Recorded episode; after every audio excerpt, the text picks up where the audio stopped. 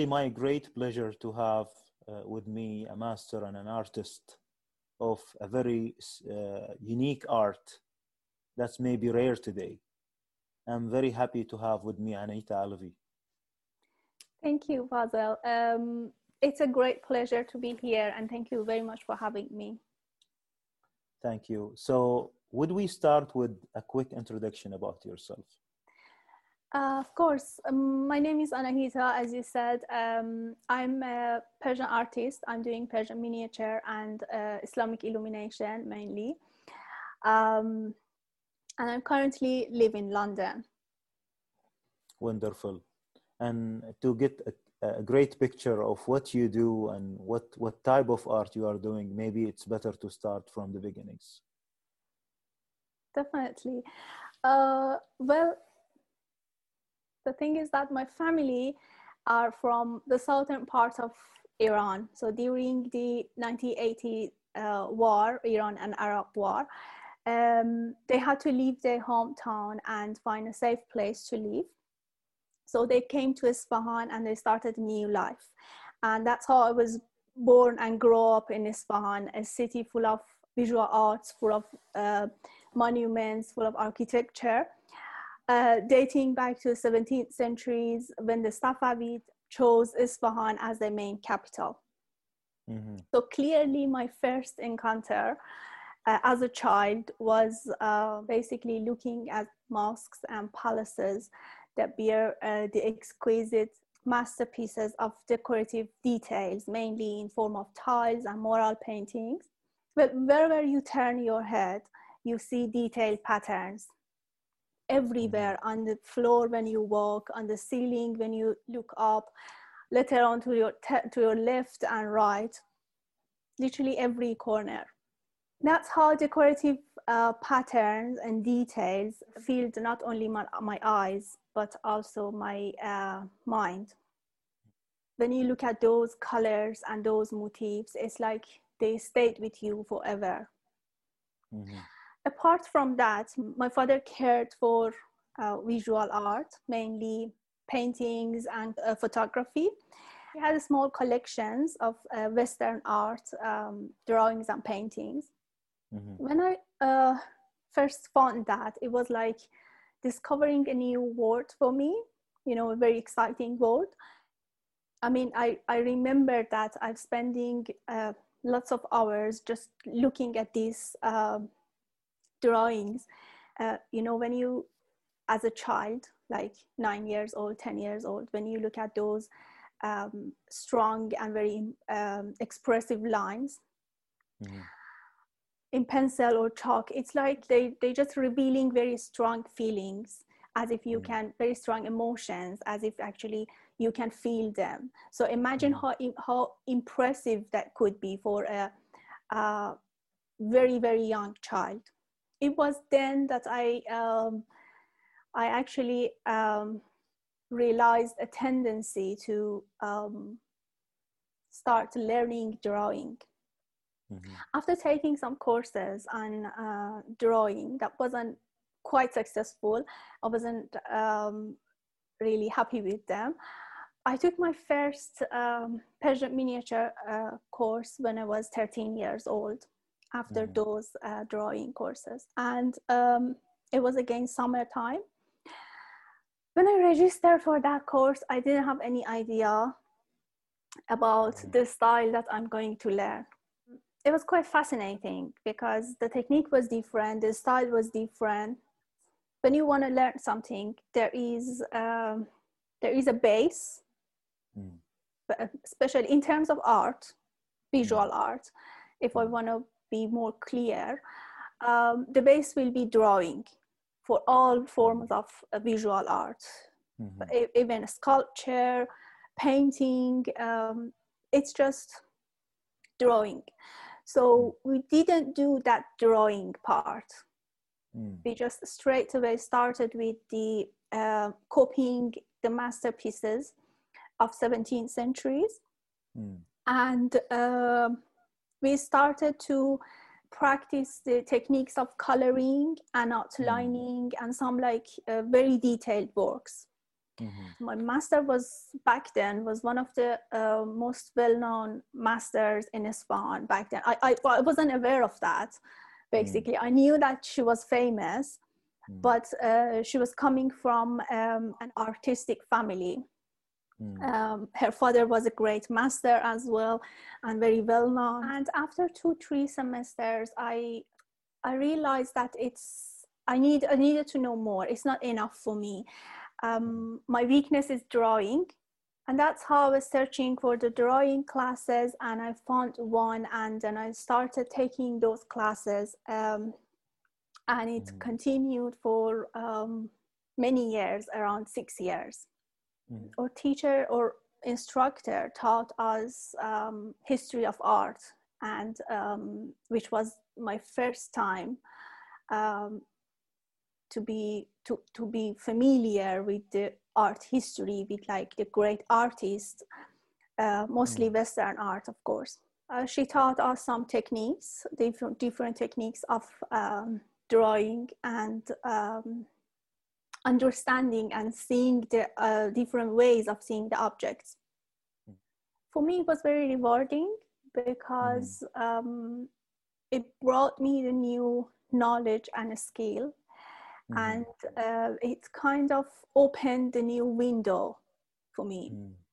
We started with drawing some aimless um, lines for several hours, and then after that, uh, the practical lessons started with uh, drawing the still life. Mm-hmm. and was very interesting because we had um, a lantern uh, which was the main uh, item for our drawing.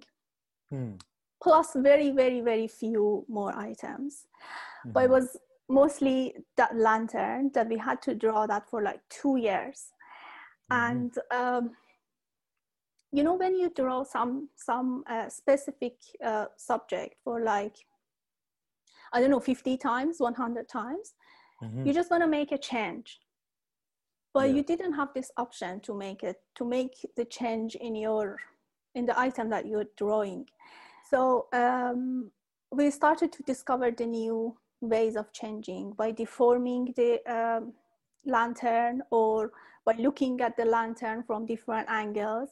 So these were very new for me, and um, I was just experiencing um, the new ways of seeing, and it was just like uh, you know waking up your imagination mm-hmm. and a new um, very very like um, starting point of uh, being creative uh-huh.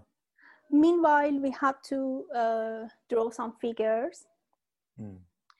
and um, we actually practiced different techniques there uh, for example one of them that i clearly remember was um, you have to draw the figure uh, under 30 seconds and then after that under 15 seconds so uh-huh. Obviously after that um, the figure will be lost so you couldn't do anything if you if you don't do draw if, if you don't draw that under 30 seconds or under 15 mm. seconds the mm. figure will be lost so what you had to do you had to basically show the motion, draw the motion of the figure mm. uh, by very brief lines and then deleting uh, all the details. Uh-huh. Yeah, another question is uh, now you were alert that uh, you need to do more. You have seen maybe a believed weakness and then you just attacked it with six years of art training, Western mm-hmm. art training would that be a possibility that it would drag you away from the Persian miniatures or the art you are doing today? yes, in terms of the technique, it was um, maybe quite different from what I uh, experienced before. Mm. But um, in terms of the drawing and the, the base or the ground knowledge, it was quite rewarding because um, I knew that for every kind of arts that you want to learn, mm-hmm. traditional art, Western art, whatever, you have to you have to um, be skillful. You have you have to master drawing. It's like I was preparing myself to be an artist. Uh-huh. And I needed that knowledge to be an artist, you know. It looks like you were really knowing where you want to go rather than just uh, li- letting the wave take you for this specific type of art or that. Mm-hmm. Uh, not exactly, no. Because I was very young, and you know, when you're very young, you just try different things mm-hmm. until you um, get the knowledge and they get the skill and they feel them and then you find out uh, your tendency you find out your um, uh, like what field mm-hmm. you you want to continue so no I, I just what i was pretty sure about was that i'm i want to be an artist definitely for sure mm-hmm. and to be an artist visual artist i mean the only thing was that i didn't rush into it to choose mm. something so maybe that was the good point back then i wasn't aware of that so i didn't i didn't rush into it i i just um i was just waiting for that i i've um i've had the experience from my childhood. Um, and then um, I experienced uh, miniature painting. I really like this, Mm-hmm. Um, but I wasn't even sure that I want I wanted to be a um, Persian painter, for example, one day. Mm. I knew that I'm going to be a painter, but maybe not very specified. Mm-hmm. Interesting. So after those six years of uh, art training, what did you do next? Those six during those years, I was just, as I said, I was just determined um, to continue art as my field of study and as my career. I did my BA in um, handicrafts. Mm-hmm. A handicrafts program was a very practice-based program. It actually provided you with the basic knowledge of all fields of traditional arts Mm-hmm. So um, during the four years of university, in the first three years, uh, you're practicing different things like carpet weaving, ceramics, um, Islamic geometry, um, mm-hmm. everything, wood carving, everything basically. It's just a very basic knowledge, actually, basic practical knowledge. Mm-hmm. And then after that, in the last year, you can choose your subject, the subject uh, that you can focus on, and then you can just, um, it gives you a chance to learn more about that specific subject. So of mm-hmm. course I choose Persian miniature and um, Persian miniature basically, in which I also uh, learned Islamic illumination as well. I worked under the supervision of uh, great masters. They were all mm-hmm. great in what they were doing they hmm. were not institutionally educated they were like practicing masters mm-hmm. but very well known and very um, great masters i learned a lot regarding the techniques the techniques mm-hmm. that they were doing you know even when you look at the um, the master's hand you can learn from him mm. it wasn't like what i expected to be honest mm. because what i expected um, was during the last year, um, I am going to work on like very old masterpieces, mm-hmm. 15 to 16 centuries or even 17 centuries, but it wasn't like that. Mm-hmm. Masters had their own style, so they developed um, they developed their new styles. Yeah. After years of uh, kind of uh, apprenticeship and then years of practicing. So they developed a new style and they just want to um, spread that style among their mm-hmm. students and they just want yeah. to teach that. It was like that. So they had their, their own style and um, they started they started to teach those style to us. But what I wanted, as I said, it was exactly opposite. I just wanted to start from the very base and then learn the technique and the technique was the same basically, but learn the um, uh, drawing and then learn all the conventions of the 17th century 16th century, 15th centuries. Very old paintings i mean. Mhm. there were also a festival there were also like an kind, a kind of exhibition festival exhibition. Um, that i got uh, just for just in drawing that i got the uh, the, the fourth or the third rank if i'm not mistaken i think the third rank in that uh, specific uh, exhibition i was quite Mhm. happy because it was all the result of my works from um, the previous time, the pre university time. As I said, the program was uh, practice based, the, MA, Mm. the BA program, and I needed Mm. to. Um, I needed to enhance the intellectual part, the theoretical background. Mhm. So I decided to um, continue my studies. Continuing my advanced studies needs preparation to do an exam again, uh, but this time to get uh, the uh, admission from the, like one of the best universities, and it needed hard work, Mhm. Lots of reading. Uh, so that's why I stopped working on Persian miniature. I mean, I got admission from the University of Tehran to do my MA in um, art studies. I actually wanted to kind of look at the other um, fields of art, Uh-huh. and that's how I did my uh, MA dissertation back then, uh, studying Iranian comics Uh-huh. and the relationship, how they get the uh, sources uh, and the, in, the inspiration from the folk culture. Mm. And I compared that with the American comics. Uh, yeah, and then when I got my MA, when I uh, actually graduated, Mm. I had the free time. So Mm. I came back to practicing miniature painting again. You know, copying the old masterpieces is um, actually is a very important uh, way of learning those arts because Mhm. um, it's not just copying that you're actually studying the details Mm. by copying every every light like every line and all the shadings and all the details so you're actually studying them Yeah. And so i knew the techniques. So i used the Mhm. techniques whatever techniques that i got from um, my masters. And uh, i actually applied them. And then i knew that the, i knew i had the skill and the knowledge of the drawing. So i just kind of mixed them.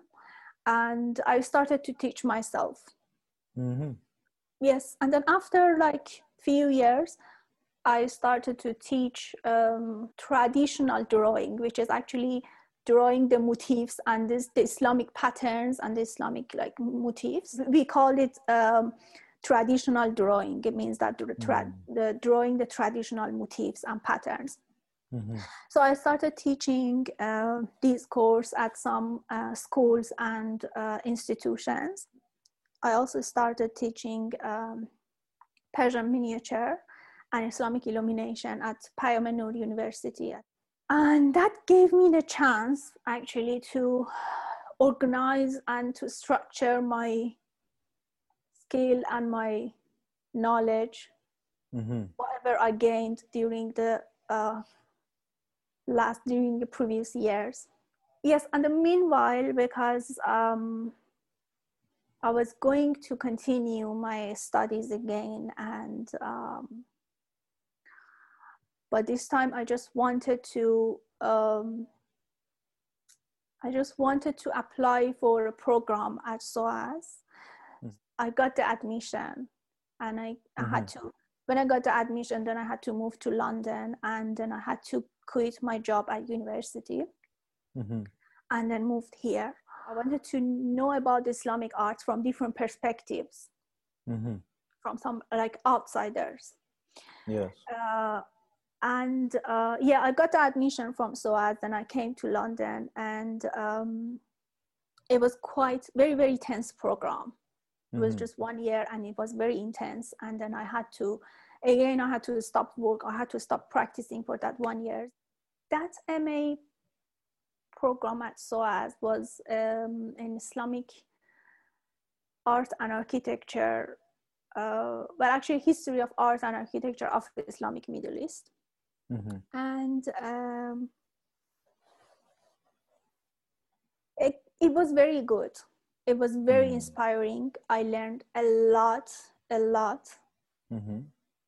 Maybe the only um, kind of weakness of that program was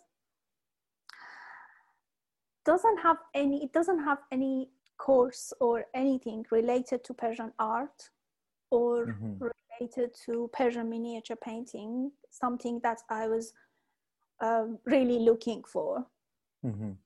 it was a little bit shocking for me to be honest Mm. so i did my dissertation um, in persian painting i was actually working on prophet's Mi'raj 15th century's uh, prophet Mi'raj the Mhm. prophet ascension it, it's a wonderful uh, manuscript it has the pictures uh, of hell and paradise and the different levels of hell uh, of the Mhm. um, both hell and paradise so what i did i actually studied those figures those human bodies and compared them compared them with the ideological discussions Mm. regarding the body in Islam. Uh, Islam is very obsessed with human body in terms of like how to keep it clean and like these kind of instructions. When you live in Islamic country, they Mm. are these instructions are like your second nature. You know, you you're very used to that.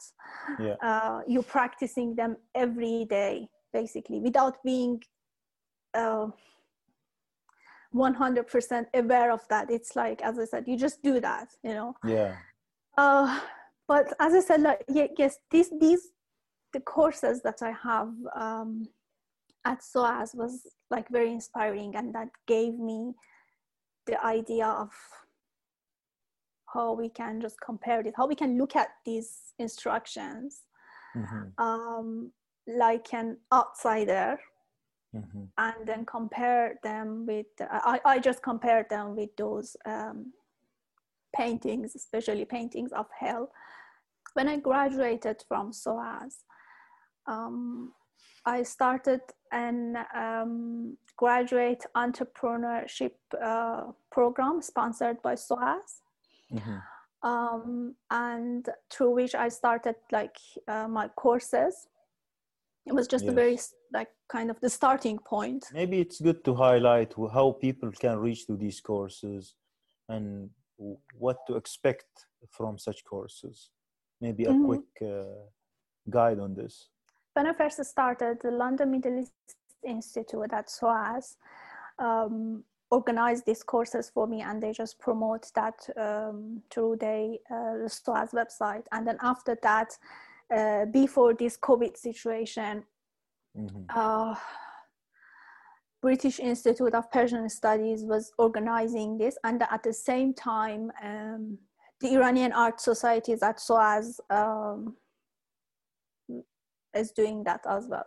So at the moment, I, uh, I'm just working with the um, Iranian Art Societies at SOAS. So they're just organizing the courses and they uh, promoting that. So um, the courses can be reached through the um, website Mhm. which is the um, website of the student unions at SOAS, and um, also they can be reached through my own uh, Instagram page. So that's at the moment these two are just the platforms that um, can provide you with the details regarding the courses.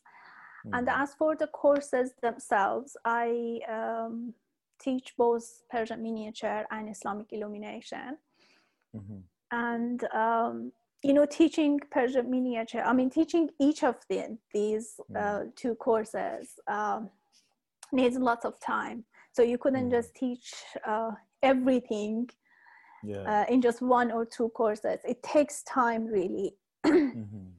but um, I've decided to break them down. For example, Persian miniature. I've Mm. decided to break it down into um, several subjects. Like in one course, we just focus on landscape and then all the details, all the nat- natural elements and the details of landscape. the next course is all about the architecture, interior, exterior, and uh, the construction. And then after that, human figures and uh, the rest. I try to start with the basics in my courses. Mm-hmm. So I try to not to focus on techniques, just to focus mm-hmm. on techniques. So I I um, I don't want my students uh, take one masterpiece and then start copying that mm. because you have to be aware of what you are doing mm. you have to be aware of what you're copying so mm. to do in order to do that you have to have a knowledge of the forms mm-hmm. for example if if it's in natural elements so you have to you have to know the form. You have to know how to draw that form correctly. And then after that um, you can start copying them. So that's how mm-hmm. i i usually work. Interesting. Interesting. students. we will be sharing the uh, links uh, throughout with this uh, post actually of the interview so mm-hmm. for anybody who is interested uh, they can reach you easily and enjoy actually uh, the rich experience with you uh, going back in the timeline, uh, Anahita, I would mm-hmm. like to maybe address the learning process. Uh, you have highlighted so, but maybe give maybe important spots of the learning process, the stages, uh, the, for example, the apprentice model versus the academic model. Maybe some uh, observations and uh, a sort of experience to share. Mm-hmm. In Iran, um, they usually start with the um, the, the, same as what I, more or less actually the same mm. as what I do in my courses. They mm. started with the forms, with the motifs, and um, they started with drawing basically. Mm-hmm. And then actually after that, uh, drawing figures.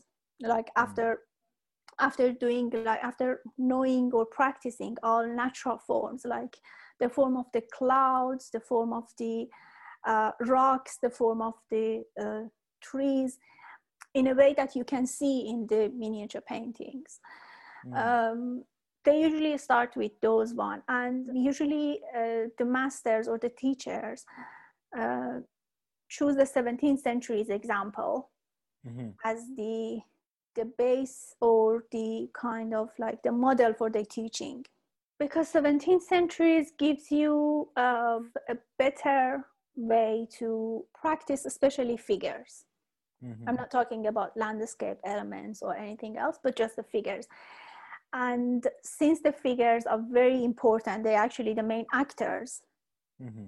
of the persian miniature they're telling the stories and they they illustrating the stories that's why they focus on figures and then mm-hmm. apart from that whatever uh, regarding the landscape is around the figures they mm. start teaching those ones so this is like the basics mm. and then if students wants to practice like for example a 15th century is the style or 16th century mm. is the style i have to ask my teacher to focus on that one so mm.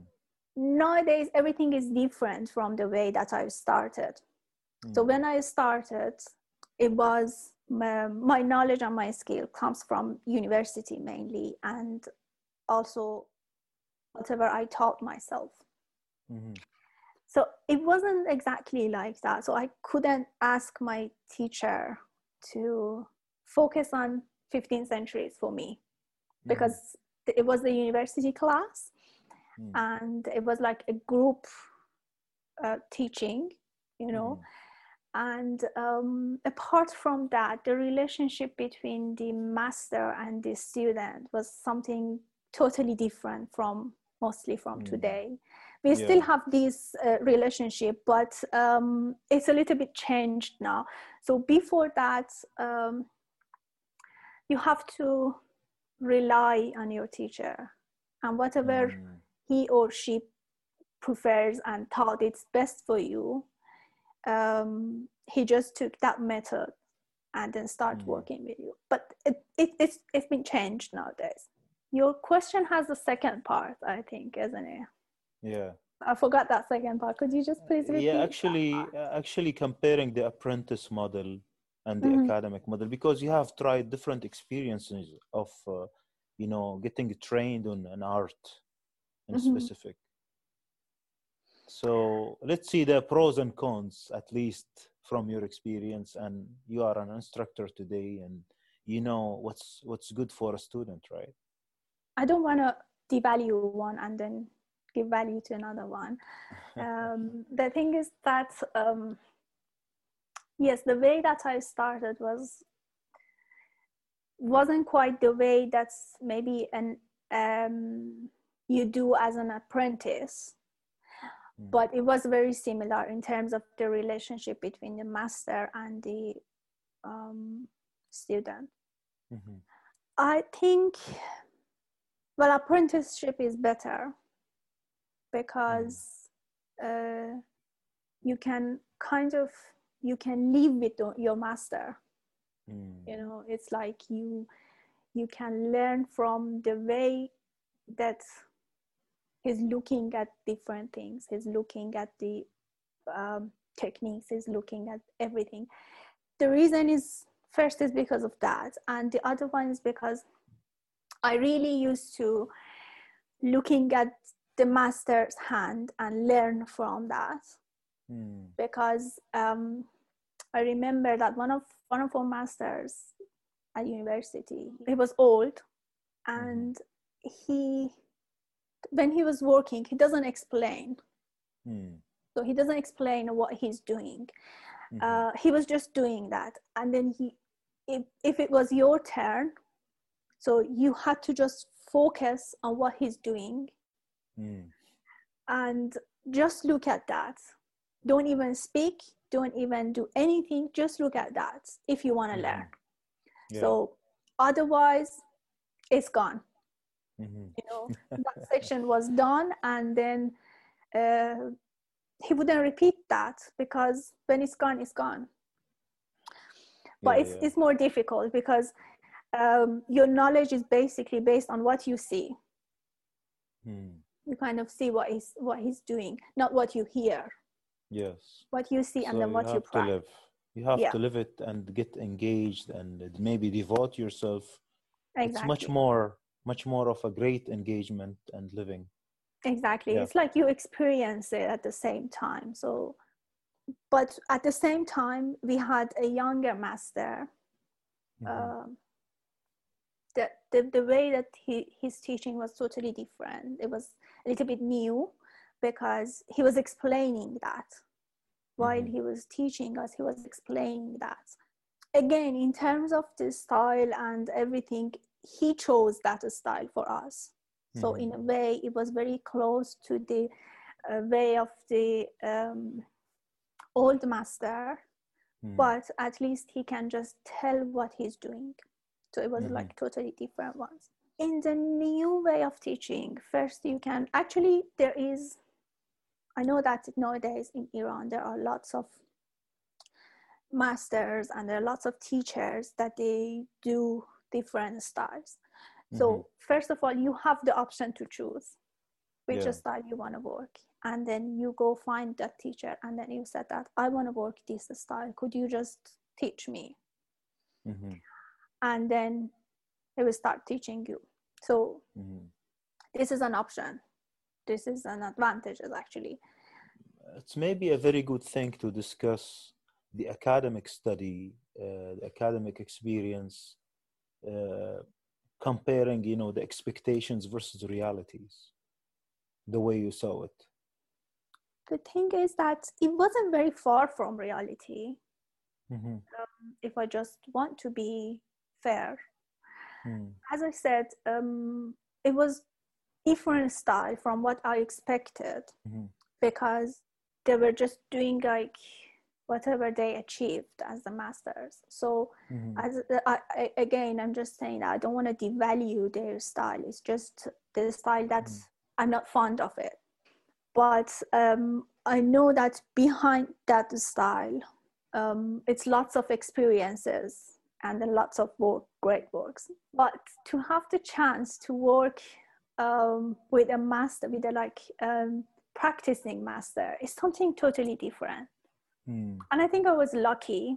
So apart from the style, I was quite lucky.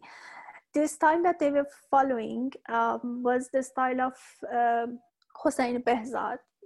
Paintings. Mm. He was the early 20th century's um, painter, and um, his style was a combination of the 17th centuries, the Safavids yeah. uh, painting, and uh, the contemporary Western painting. Mm. In a sense of Persian miniature or Persian painting that we know from the manuscripts from the 15th to 17th centuries, maybe we couldn't call those Persian miniature anymore. Mm I, that, that's yeah. I think because mm. that's just Persian painting. You know, it's mm. totally mm. different with Persian miniature. I, I, I, hope I answer your question. It's very clear. Yeah. yeah. actually, actually, very very clear insight. Uh, and we will be seeing with the Al Nadi audience uh, examples of of these uh, pieces of what we call Persian miniature or in Arabic munamnamat or zakhrafa or what we call Islamic geometry uh, of your selections actually. Uh, but let's maybe stop and discuss about uh, the artist life versus the obligations. For example, school mandates, work, life mandates, whatever that may uh, maybe deviate from the expectation of the artist, maybe top priorities. Mm-hmm. So it's yeah. not very easy. it's not very easy actually. Because I could feel that really in your uh, discussion now. yes, because yeah. uh, I pointed out several times mm. uh, when I was talking about my story, I, I pointed out that at some specific uh, times mm. or some specific points, I had to stop practicing mm. um, because um, I just have to focus on my studies it's really hard to have both you know? And this is the kind of these paintings are kind of works that they need a peace of mind mm-hmm. and they need they need you to be patient and they need time you know? You couldn't just quickly draw some lines and then that's done for today. Mm. uh, yes as you said you have to be um, actually focus you have to be dedicated. Now the amount of effort and work is required from this kind of artist. How much of practice uh, how much of hours maybe what what do the artists do for that to keep and maintain the level? Mm-hmm. let's forget about those times that we were forced to stop. Yes so yeah. But as you know the more time you spend on practicing art in any form, mm. um, the better result you will get. Mm-hmm. Definitely. So, lots of time. If I'm going to be say, lots of time. You have to be dedicated. You have to, you have to start from very base. That might be, um, might be difficult for some people. You know. Mm. To start from very base, especially if they have a little bit knowledge of uh, traditional art or Islamic art. But the hmm. thing is that yes, you have to start from very base, from the very beginning, mm. and then to be a master, and then to achieve maybe later on to achieve your new style, your own style. You mm. have to be, you have to actually delve into the very old styles by hmm. studying them studying them not just by reading mm. the articles or the books copying them you know mm. copying every details mm. and that takes time because as i said earlier it's not just a matter of copying so you can just hmm. copy something put a tracing paper on top of something and then just do something hmm. um, unconsciously so it's yeah. not like that you have to once you you know the form mm. you can when you copy something you know what you are doing and then you have to be aware you have to be conscious so copying consciously basically mm. and then copying with the purpose of learning not just mm. copying with the purpose of creating something mm-hmm.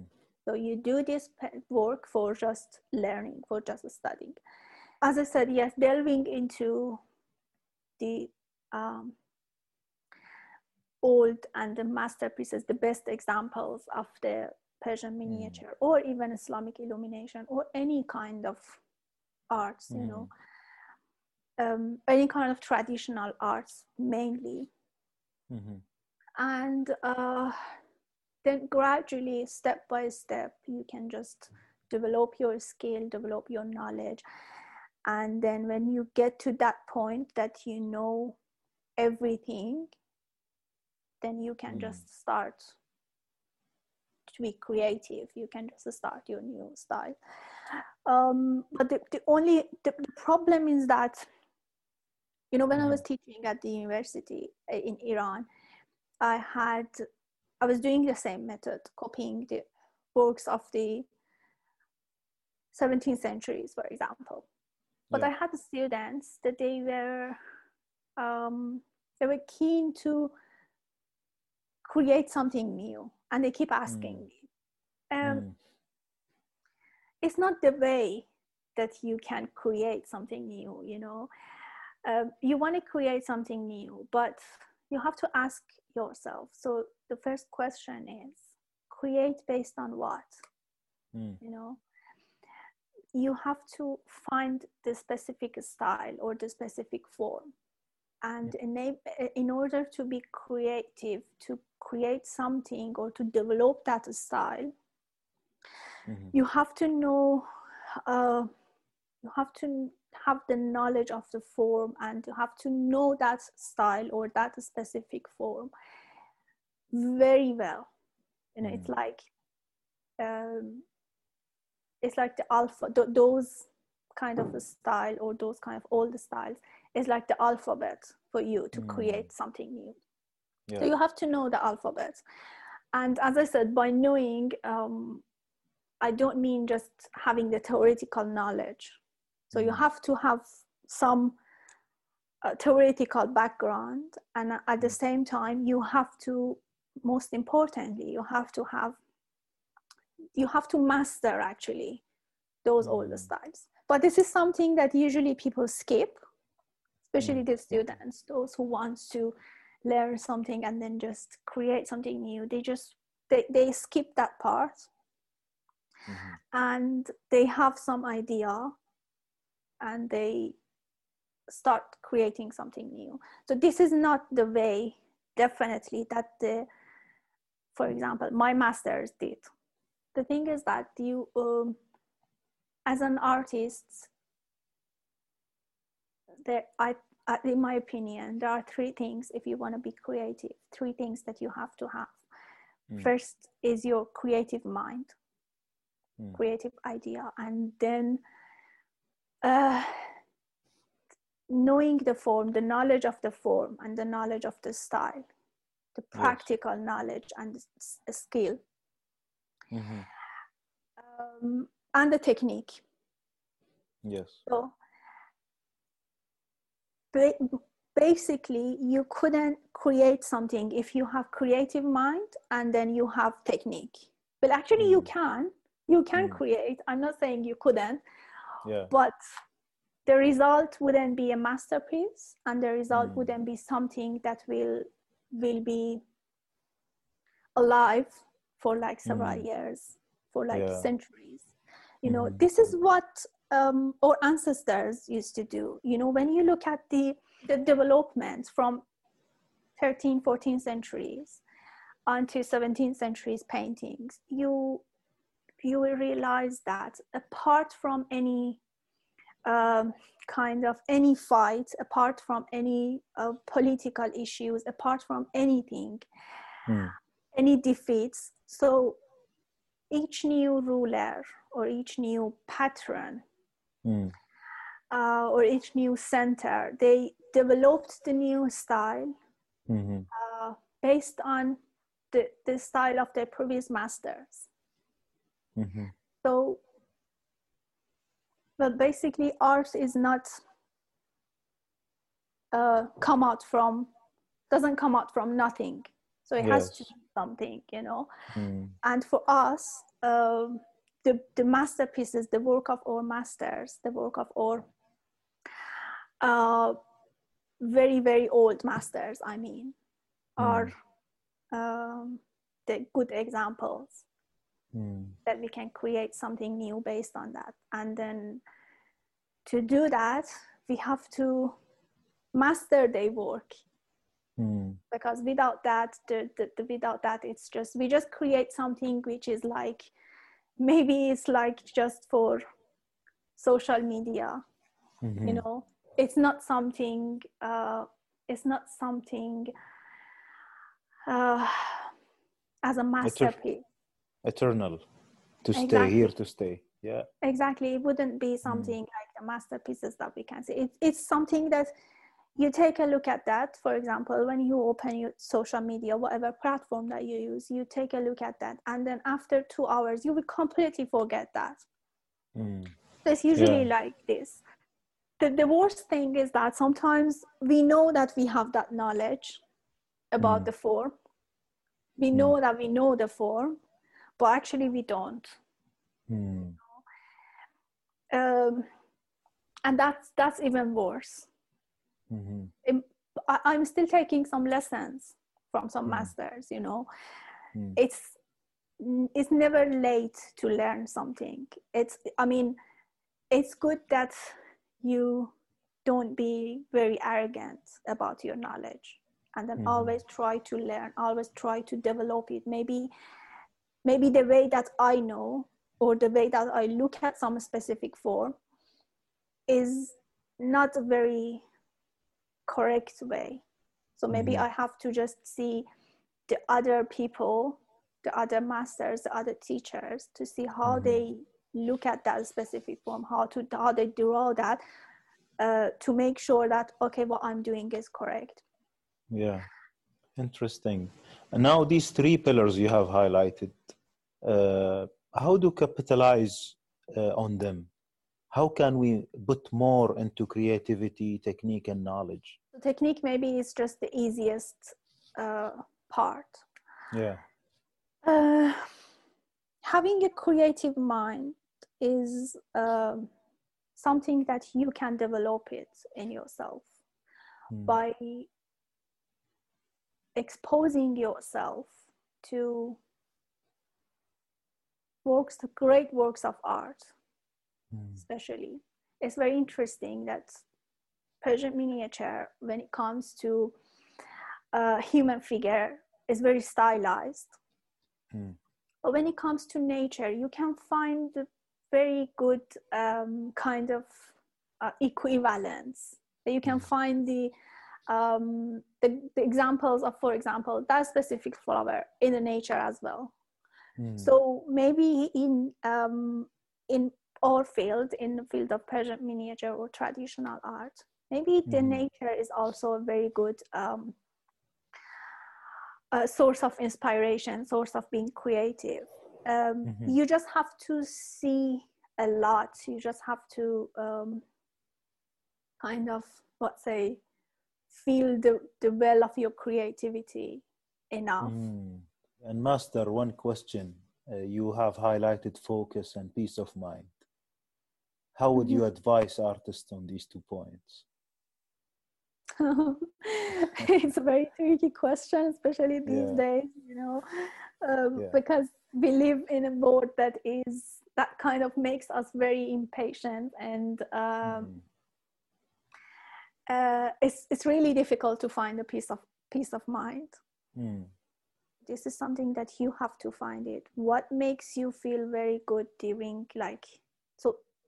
Every one of us can find Mhm. something that uh, it gives us good feeling it gives us a kind of um, relief when we think about that or when we look at that Mm. so maybe that's very personal so something that i know that it Mm. is this specific uh, work of art Mm.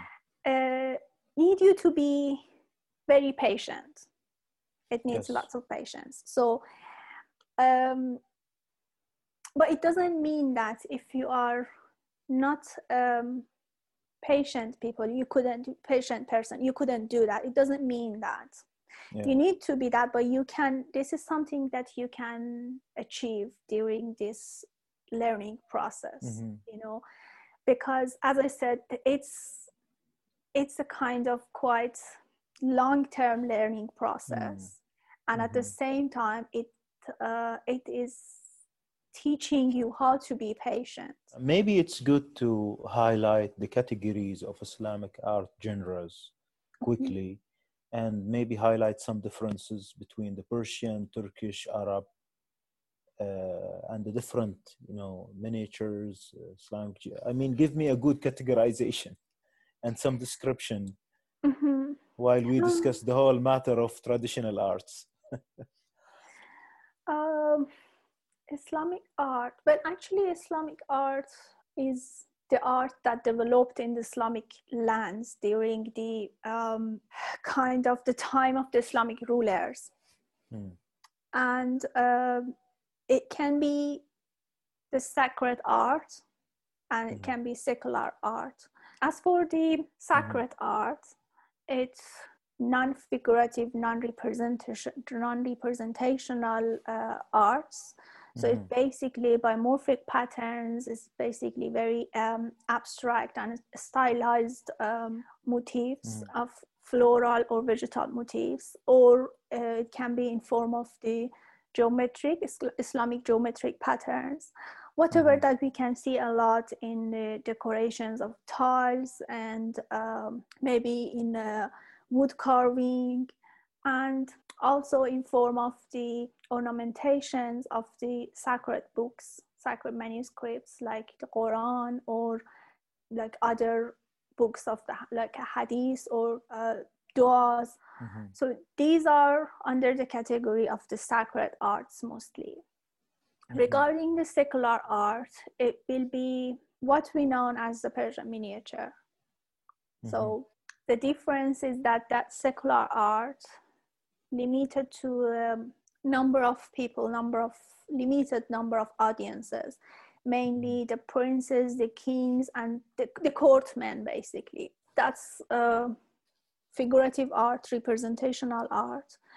Mm. However, in a very stylized form, as I said Mm. before. So when you look at the figures, they they don't reveal any emotion there Mm. there isn't any signs of reality in the Mm. way that they draw those figures there isn't Mm. any light or any shadow i mean any source of light or any shadow so yes as i said this is like the secular art and the main um, purpose of these uh, paintings is basically to telling the story to illustrate this the part of the story basically and uh, you can find this in the literature books Mhm. mainly persian literature or um, yeah that's that's the kind of the difference between these forms of art so the thing that the, and then you can Mhm. find this in most of the islamic countries with the common heritage you can find in uh,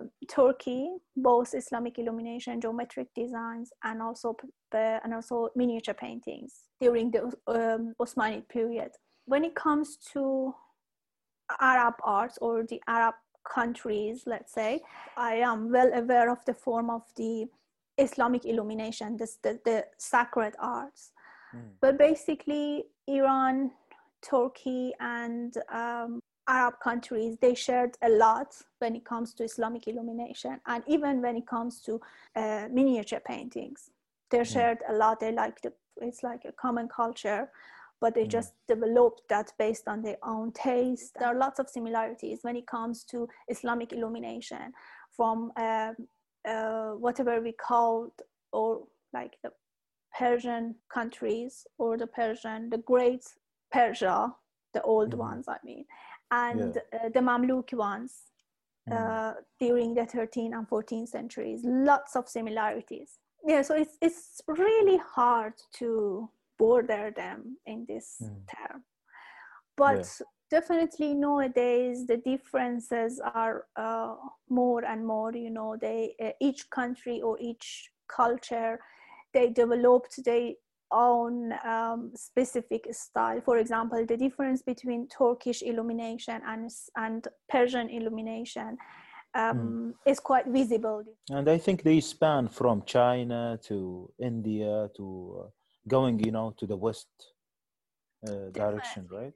Yes mm. definitely. Well basically as i said all the country all the countries that one day um, were the lands of islamic rulers yes. they developed this kind of arts and it was quite common mm. uh, among all these countries all these lands and master you have highlighted one thing here the non-existence of a shadow the forms, uh, whatever purposes were, were done for these uh, arts. Is it a religious uh, impact or uh, what, what made it form in this way? Maybe a quick highlight from end, from your end. Maybe it has kind of ideological purpose, yes. I, I mm-hmm. mean, I'm not sure. It's just my, my, my guess. Mm. Because uh, although they were like secular art and they mm. meant uh, not to have the public audience mm. they still they were done under the patronage of um, muslim rulers mm. and the the painters or the artists they did that they were muslims as well so uh, yes i think maybe one of the reasons was because to actually um, divide them from the reality, you mm. know, to um, create something that is far from reality. Mm. They are representational, but they're not realistic. Mm-hmm. So maybe this is that's the purpose because even when you look at the faces, mm. they all more or less the same mm-hmm. you know mm-hmm. yeah uh, even men's and women's it's hardly recognizable so i think these are the reasons that they didn't want to create something they didn't want to get close to what the great creator would mm. create they didn't want to just like themselves to him uh-huh interesting so maybe that's the reason Mm-hmm. Interesting. And uh, as you have talked uh, about the different eras of this art and the way it has changed from a region to another, uh, do you think it, it is being further changed today with, with the way we change, the way we teach, the way people learn to be artists, and the introduction of social media, modern art? Mm-hmm. Did that impact the art? I think so. Yes, I think so. Uh, I think it impacted uh, in not a good way. Let's say mm-hmm. maybe it has some advantages, but um, when you look at like whatever you see in the social media, I feel like mm. they are like um, types of works that they created to to be exhibited or to be shown in the social media mm. and it means it's like you know when you just for example imagine that when you're hungry mm. you're very hungry and then you just the, the, the, the quickest item the quickest option is the junk food or the mm. fast food you know it's like that mm-hmm. quickly you create something without mm. being very delicate without being like very kind of specific like skill. You quickly create something because as i said this thing like this mm. kind of this form of art i'm just talking about the my own field of art not art in general mm. um, these forms of art needs um, lots of details and hmm. of course the applying those details or rendering those details takes time mm-hmm. it's not something that can be done quickly it can be done quickly but the result Mm. will be completely different so Mm. that's that's the main problem and the other problem is that you know um, sometimes you see people who doesn't have like good background strong background deep background i'm not saying skill but like teaching background Mm. They started to just teach that Mm. I don't have problem with that, but the, on, the only thing is that we just we have to think about the teaching in um, in a different ways. So when I teach something, I just I'm passing my knowledge Mm. to other people, and those other people may pass that knowledge to next generation, and this can be continued. So this is something that is very important, and we have to be aware of that. So if I um, don't have sufficient knowledge or don't have sufficient skill and then Mhm. i start mm, teaching even one person or two persons Mhm. it might be dangerous for our future generation because they Mm. these these insufficient knowledge can Mm. can be taught to another person and then can be taught to another person so this is something that uh, we have to be very careful i think Mm. so not having like one year or two years uh, of practicing uh, Mm. makes me kind of uh, a good candidate for teaching so Mhm. we have to be a little bit honest with ourselves and then i know that it's hard for a full-time artist to Mhm. um, financially support himself, himself or herself um, Yeah. it's definitely difficult it's very difficult Mm. but um, at the same time we have to be a little bit fair and then we have to be a little bit um, like thoughtful about our future and about um, this knowledge.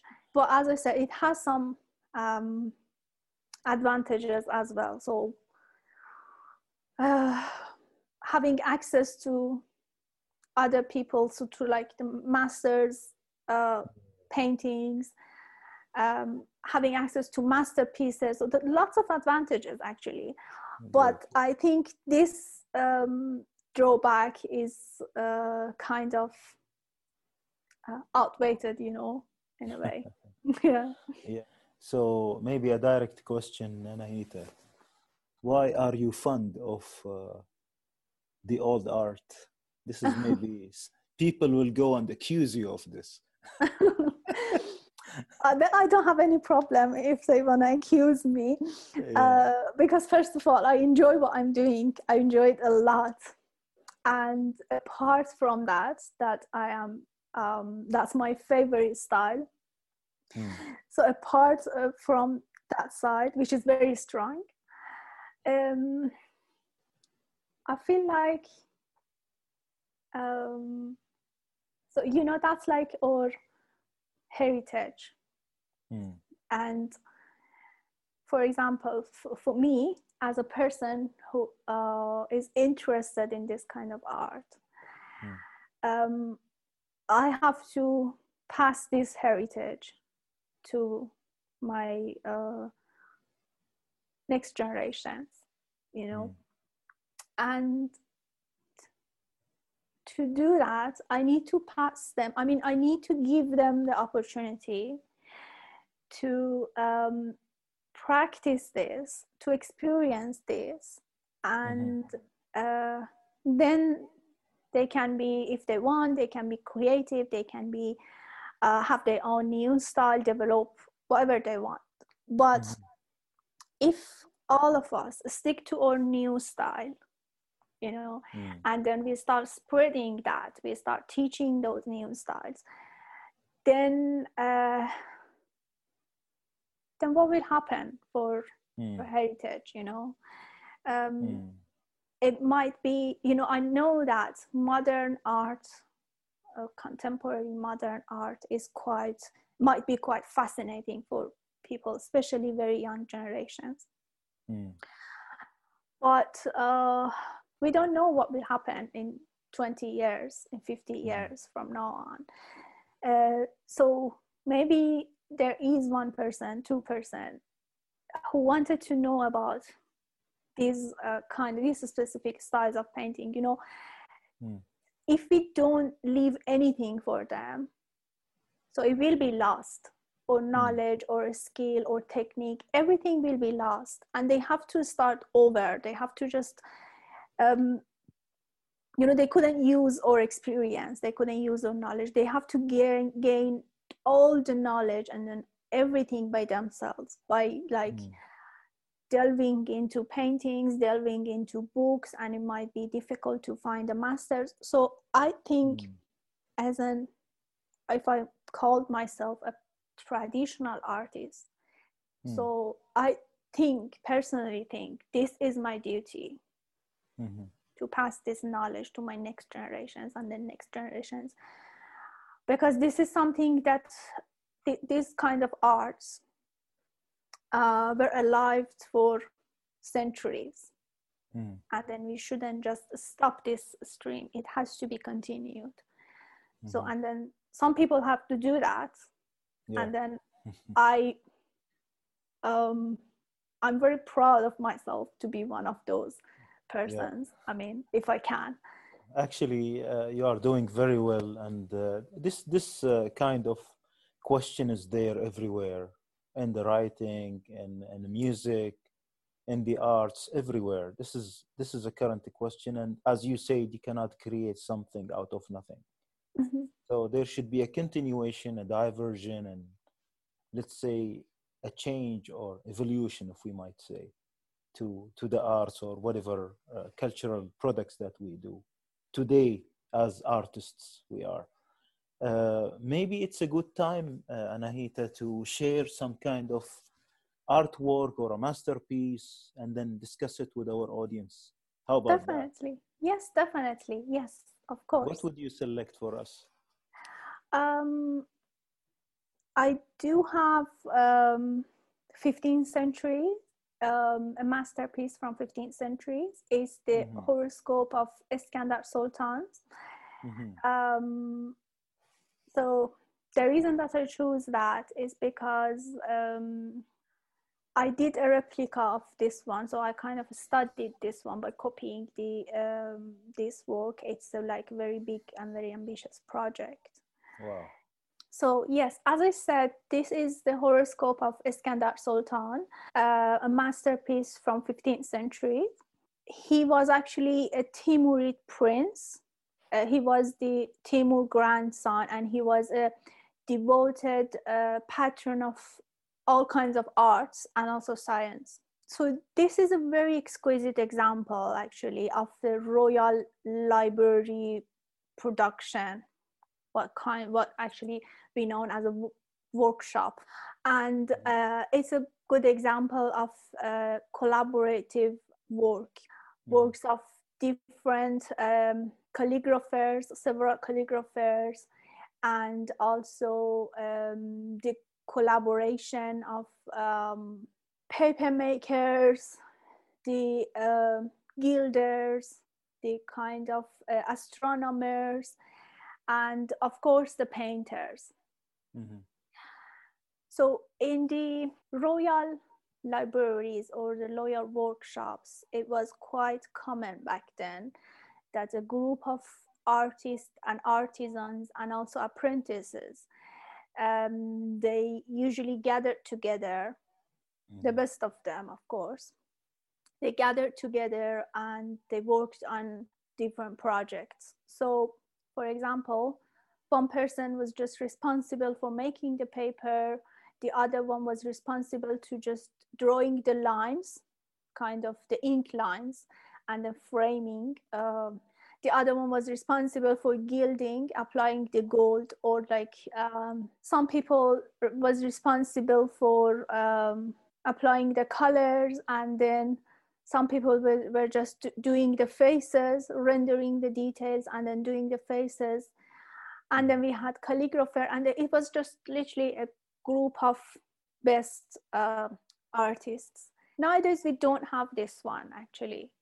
Uh, from 17th centuries on, that concept of the royal workshop is not alive anymore. So we don't have such a concept because we don't have um, those great patrons of art. Mm-hmm. That's why from 17th centuries we can see only just a single portrait or single page uh, paintings because um, they could be done quickly in terms of the details uh, especially the, the landscape is much it much less details than the works of 15th and 16th centuries and it can be done quickly and it can be accessible um, i mean it can be um, affordable for like um, normal people like maybe like uh, the rich traders or something like that.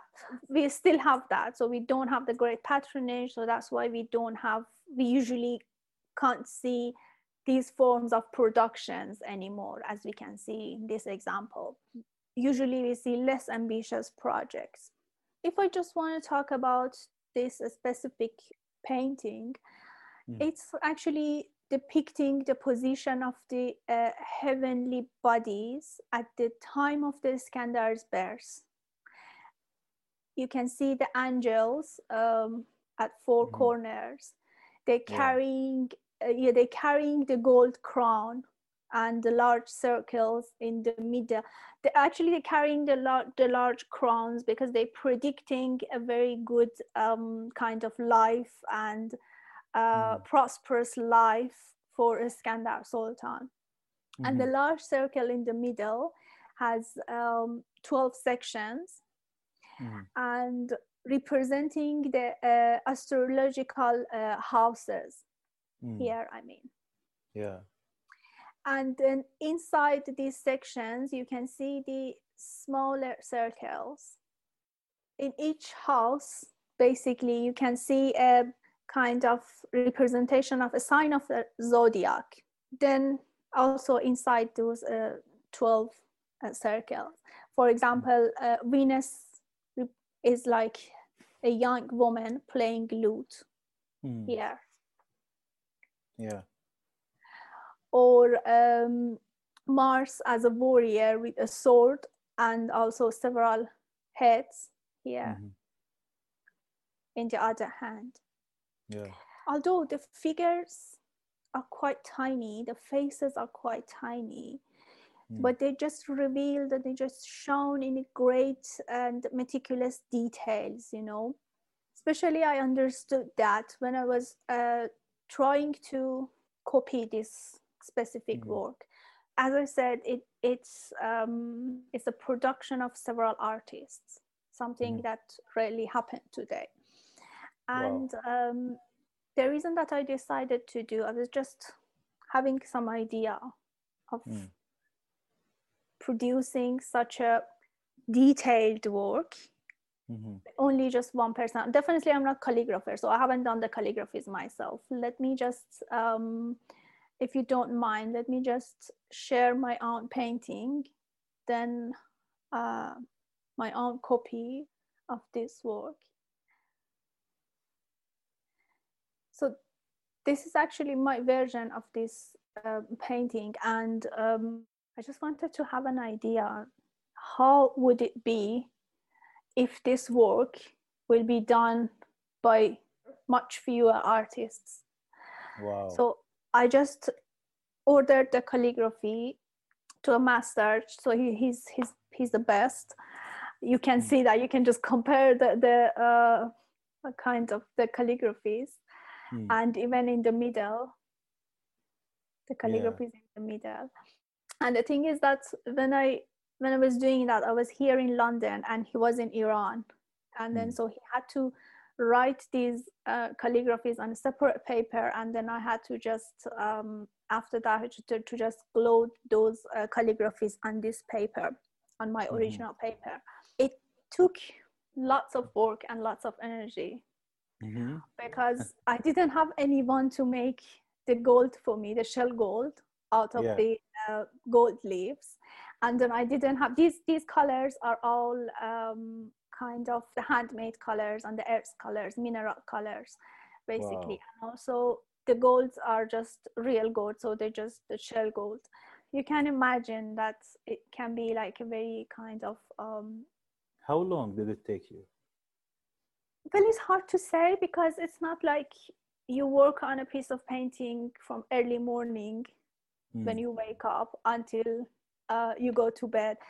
Because um, it makes your eyes tired very soon mm. especially when you just focus on such details so you have to give yourself you yourself a little bit rest so it's, mm-hmm. it's really hard to say but I,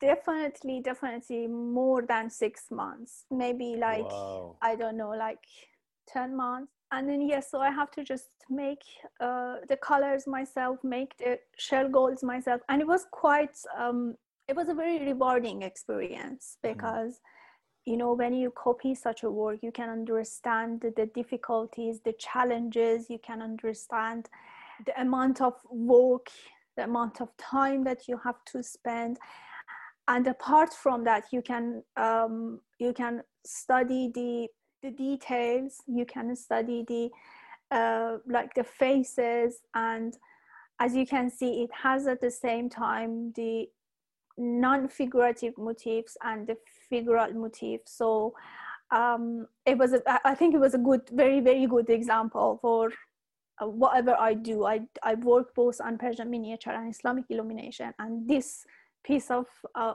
work contains both. I wish I was a calligrapher and I could uh, experience calligraphy as well, but um, unfortunately, I'm not. Soon, soon. Who knows? No, I don't but, have any time to spend. But that. Anahita, you you have been uh, living every master's uh, effort here in this work because you are representing the whole team except for the calligrapher. It must be a great experience you have been facing a lot of challenges and problems that you need to solve all by your own self yes as i said um, lots of things that needs lots of preparations actually that uh, needed to be done by myself um, while it used to be done by for example apprentices mm. you hmm. know making the, making the color preparing the colors mm. preparing the paper mm-hmm. and like making the goals and then all this and then just drawing the lines and copying the work tracing the work on this um, mm-hmm. paper mm-hmm. so it's all like lots of effort and mm-hmm. um, something that i think you have to do to mm-hmm. realize that when you say some work is a masterpiece mm-hmm. so what that it means yeah. and um, yes and of course i learned a lot through um, working on this piece and also like other pieces that i've done like other paintings that i've done. The examples of 15th centuries and also the examples of 17th centuries would it be possible to zoom in a bit?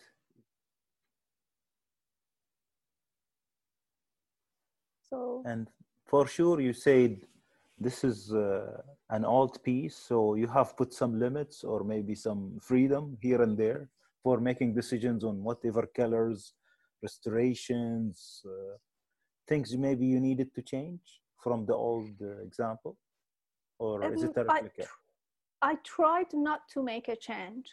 Mm. so even in terms of the color i tried to actually mix and create the color which is maybe not exactly the same but mm. close to that color in my other works especially like my new works i try to make yeah. a change and mm. try to modify those works but in terms of this one i mean when i decide to study a piece of painting mm. so i try not to make any change in that one and then just hmm. just follow whatever uh, yeah. is there so even in terms of the color even in terms of um, like the motifs um, everything i just try to stick to that specific painting. I know that it's it's really hard to look at the painting um, in your laptop and then try to find the exact color or the very similar color. It's really hard. It's not easy. Yeah. and of course the result wouldn't be exactly the same wouldn't be exactly the same color. This is magnificent magnificent work really. So great. You keep looking into the details. It's like infinity. Thank you. This, is, this is a lot of patience in there for sure.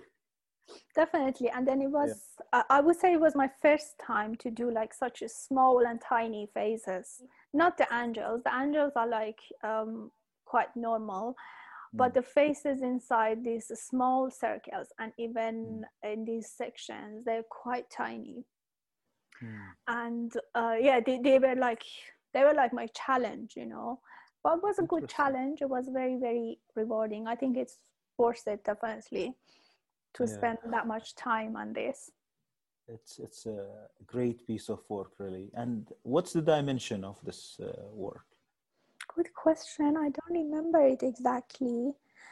Uh, if we compare to an a4 or maybe a3 or just to give a perspective to it's between a4 and a3 it's not a3 mm. exactly. It's, mm. it's smaller than a3 is this a commission or for your own? No that's for my own. Mm, but you do but you do have commissions, right? I think. I do have commissions and I do sell my artworks as well. But this specific piece was uh, just for my own curiosity to make it. Wow.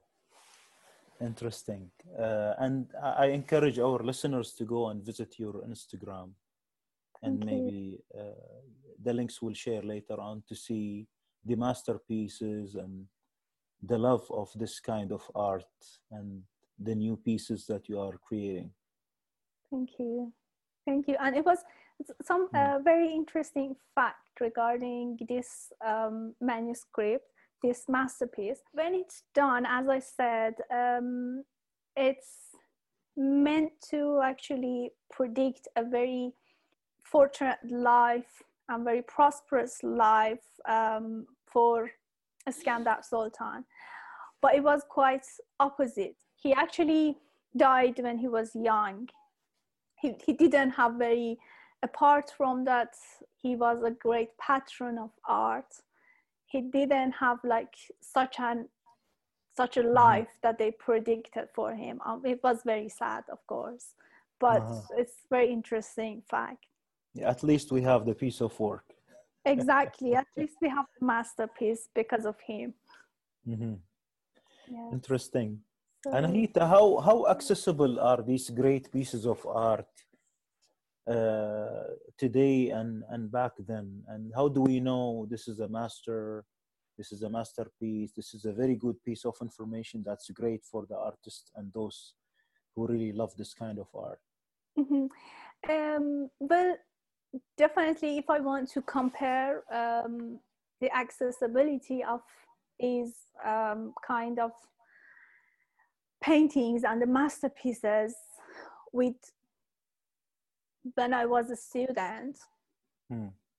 so i would say that nowadays definitely it's widely accessible thanks to social media thanks to um, the digital versions of um, all these paintings uh, mm-hmm. that has been done by the museums or um, the uh, libraries. Mm-hmm. And um, for example, if you live in London, it's easy for you to go and see these works in person. Back then, it was very difficult because um, there weren't any digital version that much of these mm-hmm. uh, paintings. We just had some photos of like um, photos with the like less quality, but nowadays mm. like there there is when I say digital per, per, per version, I mean with a high resolution. Yeah. Um, but um, back then we didn't have like this option. We didn't have this opportunity. But it's it's very good because you can. I really uh, actually uh, prefer when I want to work on something, I prefer to find that specific piece of painting uh, through the museum's website because mm. I have the opportunity to zoom in to see the details, and I uh, always suggest my students to do the same. You know, mm-hmm.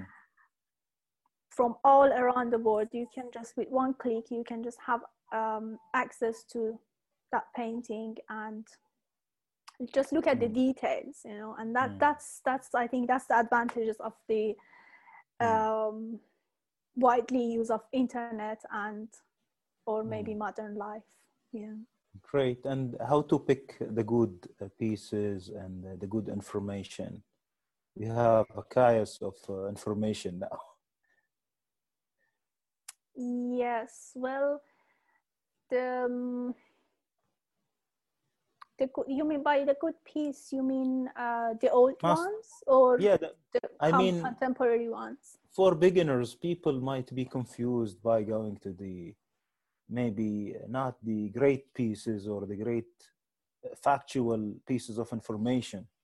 So, do you guide them in a certain criteria of finding the good ones? as I said, it can be the, the museum's websites and the um, the library's websites Mhm. provided you with the very good um, kind of visual information.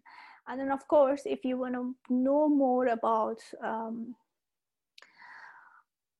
the, the, the specific painting, you can just uh, take a look at books. There are lots of lots of good books in Persian miniature uh, written by Mm. great scholars. Um, Mhm. um, and that can be definitely accessible i think these days to everyone usually at the end of each uh, when you go to the museum's websites um, most of them usually had the um, references Mm. or like the further reading guidance so Yeah. those can be very good um, Great, wonderful. Anahita, one last question. yes We need a recommendation for a piece of music that we will Well- put at the end of the uh, interview. maybe i'm not a very good person to recommend because i'm not a musician definitely so uh whatever i say it's just like my uh kind of favorite or whatever i think is best so um i personally I, I, I suggest the works of uh, Maestro Hossein Alizadeh, one of the masters of classical Iranian music. And if I just want to be very precise, I can recommend uh, Sallaneh. Uh, the instrument is called Sallaneh, actually, Mhm. which is not one of the traditional classical Iranian music instruments, but it inspired by some of the ancient carved stone of Persia. The instrument is actually um, revived and um, performed by um, Ustad Hossein Alizadeh, that he's actually performing the current, current classical Iranian music by this instrument. So it might be uh, interesting for your audience For to sure. listen at this one. For sure. Thank you very much for this recommendation. Anahita, we have really had a great uh, interview and a great exposure to your experiences and this kind of unique art, really. Thanks for this great interview with a master like you.